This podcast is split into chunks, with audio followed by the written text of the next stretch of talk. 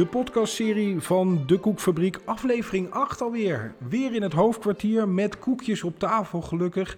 En ook een heerlijk kopje koffie, want we gaan het vandaag hebben over koffie en koek.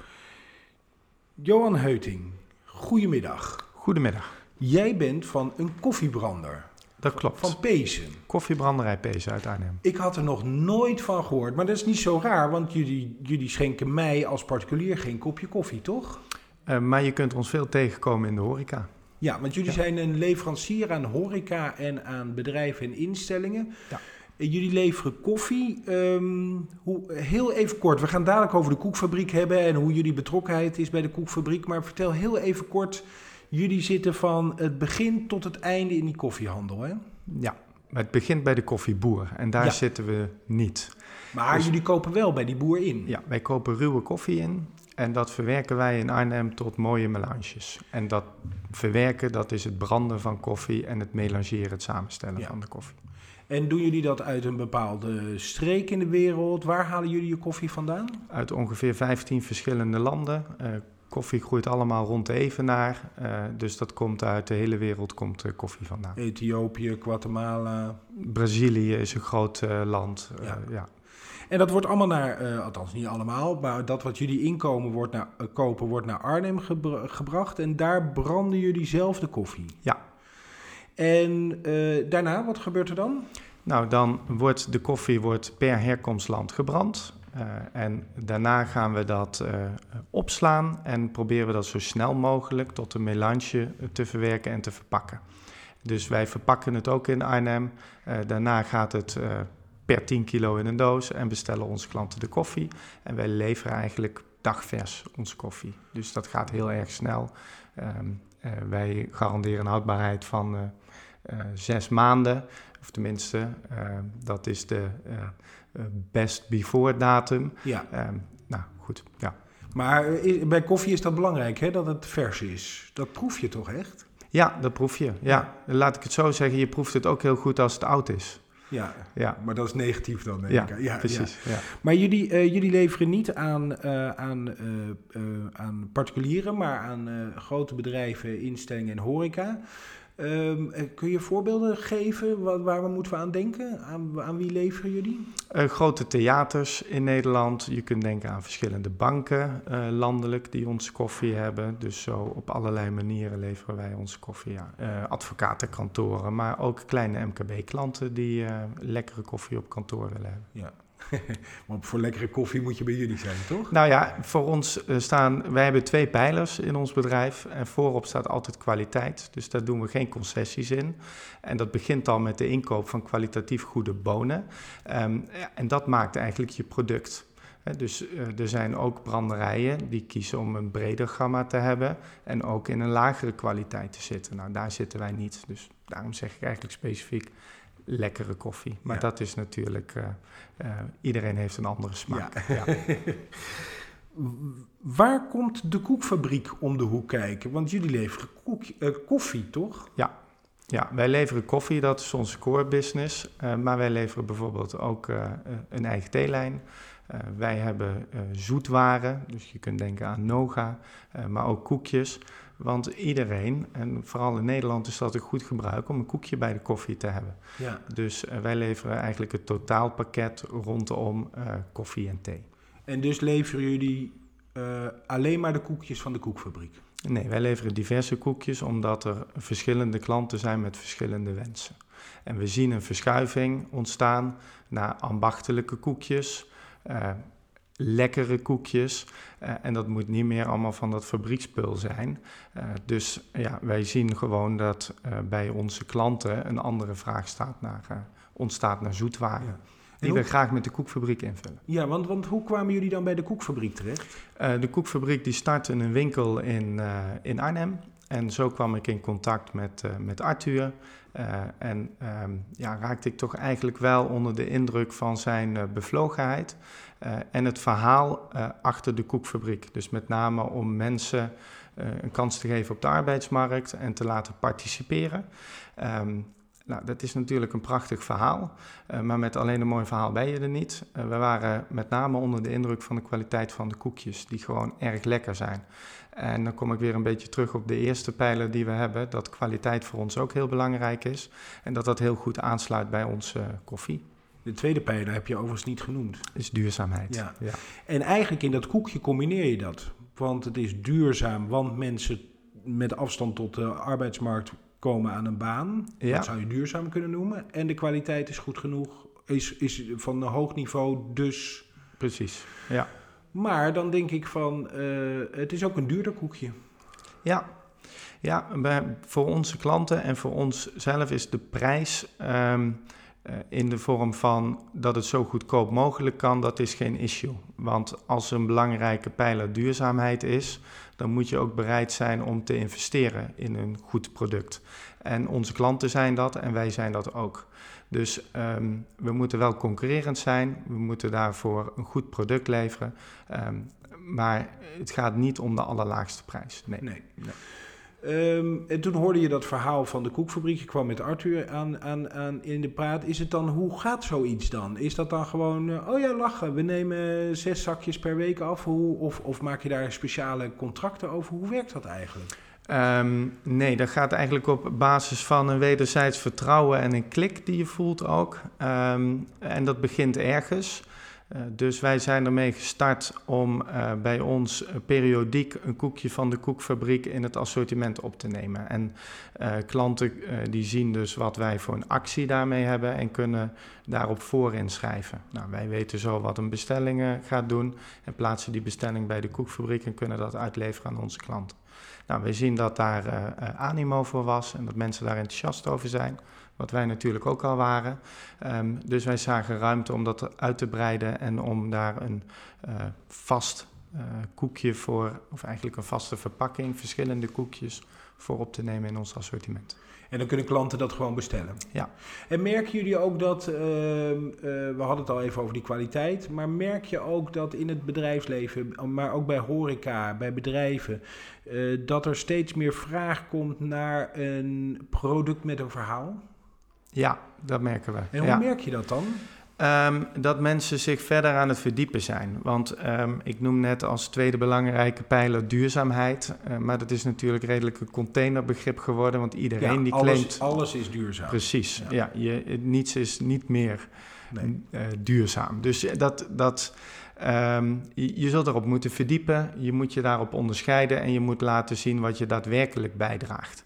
Uh, en uh, ja, de koekfabriek doet dat. Die kan heel concreet maken uh, wat een koekje, of eigenlijk wat een aantal kilo koek aan arbeidsuren oplevert.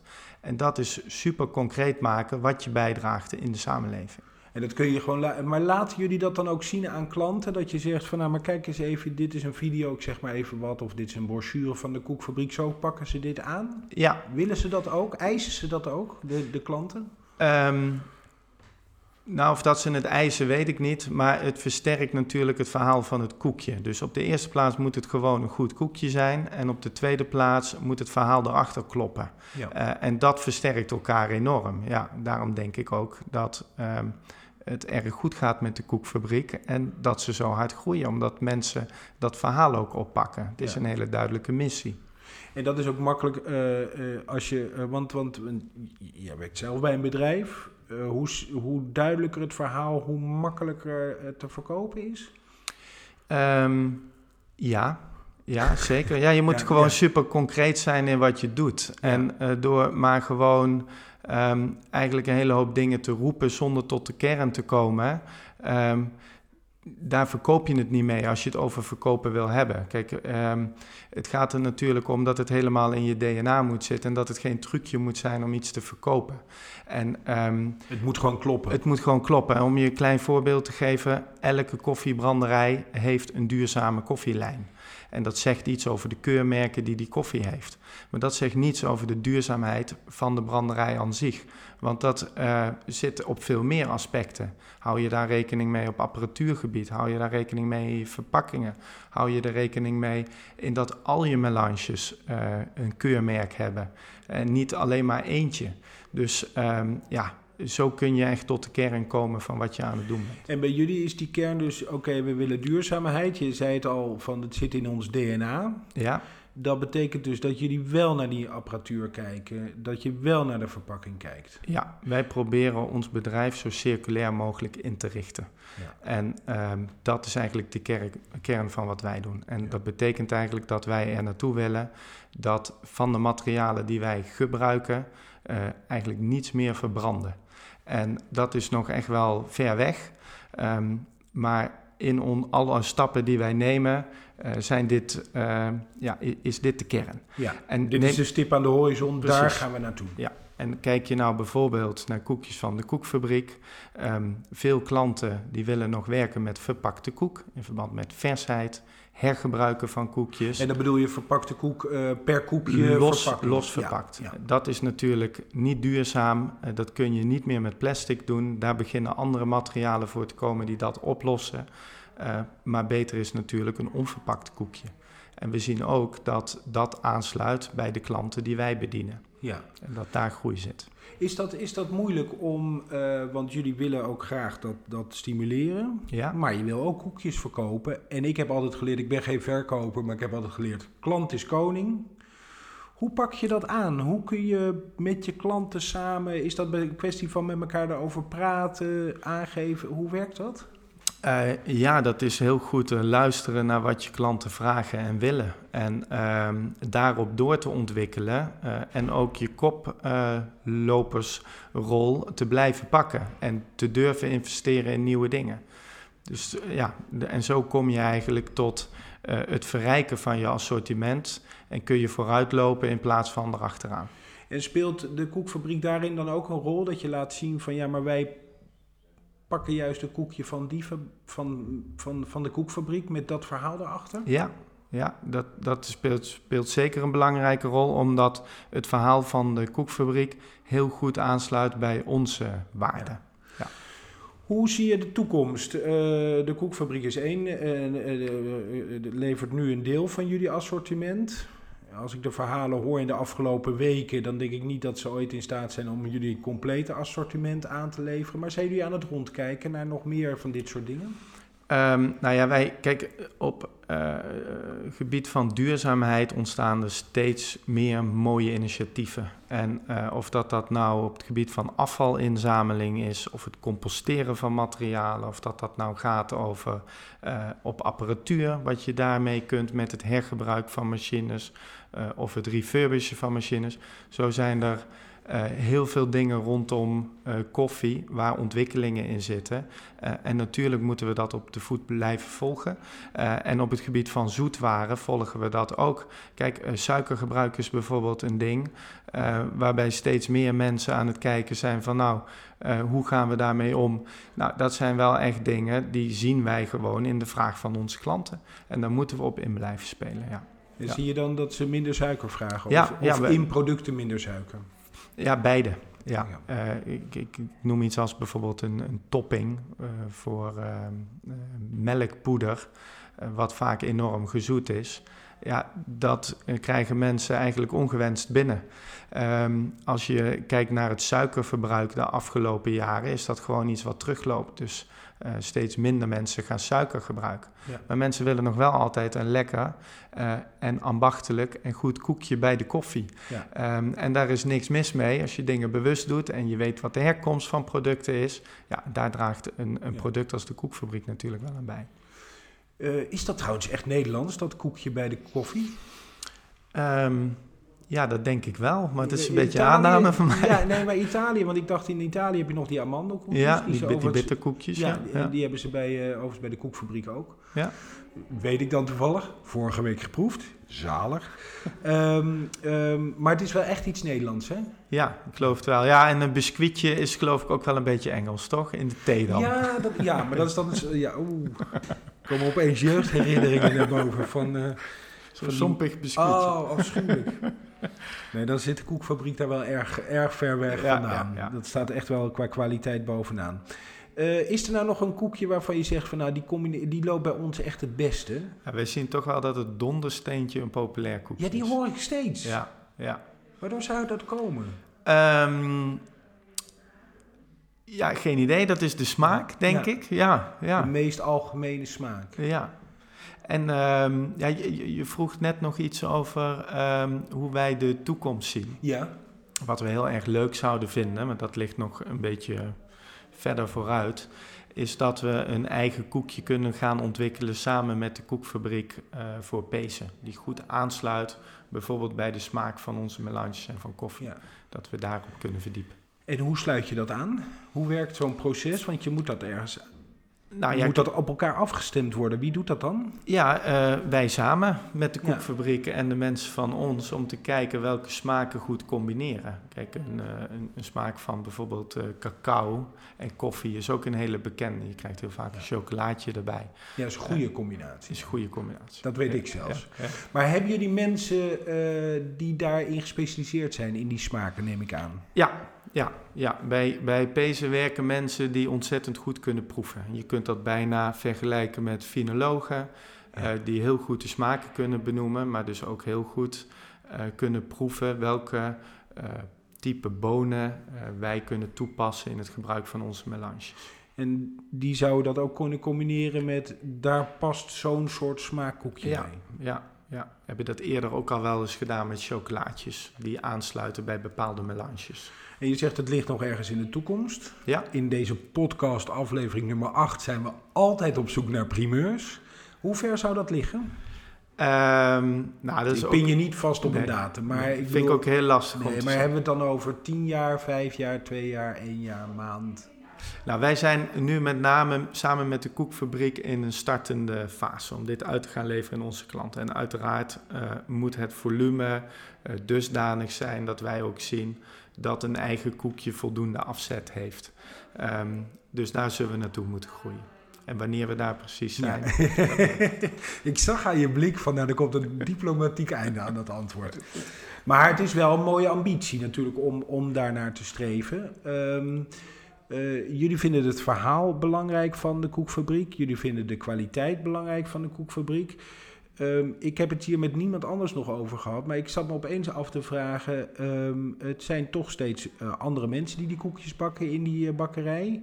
Elke dag staat er, een, ik bedoel, er werken wel veel mensen, meerdere dagen, maar die, merken jullie dat het eigenlijk de kwaliteit altijd goed is? Hoe werkt dat? Houden jullie dat in de gaten? Want het is wel ambachtelijk, het komt niet uit de standaard fabriek. Ja, ehm, nee, wij gaan ervan uit dat de kwaliteit goed is en we hebben geen producten teruggekregen die niet goed zijn. Nee. Ehm, dus dat gaat, hartstikke, dat gaat hartstikke goed en dat is eh, super constant. Ja. En dat, dat mensen accepteren bij een ambachtelijk koekje dat daar eventueel iets aan smaakverschil of qua eh, smaakverschil in zit.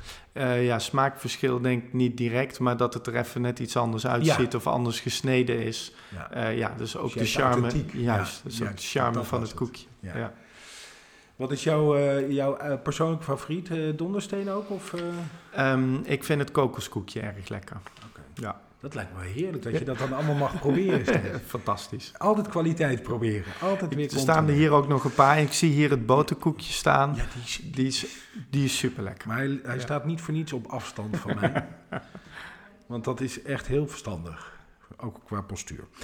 Ehm, eh, Johan, een bijzondere eh, samenwerking. Ehm, eh, had jij, ehm, eh, want wanneer is die eigenlijk begonnen? Wanneer is de samenwerking echt van start gegaan? Een kleine twee jaar geleden was het eerste contact zo'n Dus beetje. 2017. Ja. En is het uiteindelijk geworden of groeit het daar naartoe wat je toen had verwacht? Want het, het is toch een, een nieuw avontuur wat je dan aangaat. Nee, dat groeit steeds verder eigenlijk. Ja, ja. en dat komt omdat eh, wij ook zien dat er eh, ruimte ontstaat eh, voor dit initiatief, en voor dit koekje. En dat onze klanten daar enthousiast over zijn. Ehm, dus dat maakt ook dat het volume daarin kan groeien. Ja, en dat er steeds meer eh, mogelijkheden komen. Ja, dus wat dat betreft een florisante toekomst zoals het er nu naar uitziet. Ja, zo zien wij dat wel. Ja, Mooi zo. Johan, dankjewel voor je verhaal. graag gedaan. Succes met het koffiebranden. 140 jaar al, hè? 140 jaar dit jaar, ja. ja. Gefeliciteerd. Ga je het groots vieren? Nee, we gaan het niet heel groot Oké. vieren. We geven er wel aandacht aan. Eh, we verpakken nu deze periode eh, elke week een bon, een voucher in onze dozen met koffie. Uh, en dat zijn mooie klanten van ons, zoals een openluchtmuseum of burgers, Ouwehands Dierenpark, Huis te Duin. klanten van ons die stellen een mooi arrangement oh. beschikbaar. Een heel bijzonder arrangement ook. Een soort gouden ticket van Willy Wonka? Dat is het. Ja, en dat zit verpakt in de doos en iedereen maakt daar kans op. Elke ja, klant nee, van ons. niet iedereen. Nee. Want particulieren, die maken geen kans. Nee, dat klopt. Oh, maar wat een leuk idee, Johan. Ja, Ook een mooie manier om het toch te vieren. Ja, ja. Wij, wij, kijk, wij zijn met name gericht op de toekomst. Ehm, en het verleden is belangrijk om uh, te zijn wie je bent. Ja. Ehm, dus we vinden het belangrijk om daarbij stil te staan. Uh, maar we kijken eigenlijk vooral vooruit. Ja. Dankjewel, Johan. Dit was uh, aflevering nummer 8 van de podcastserie van de Koekfabriek. Meer informatie over de, over de Koekfabriek is te vinden via dekoekfabriek.com. En vergeet u niet te abonneren op deze podcast, want er komen nog meer afleveringen aan.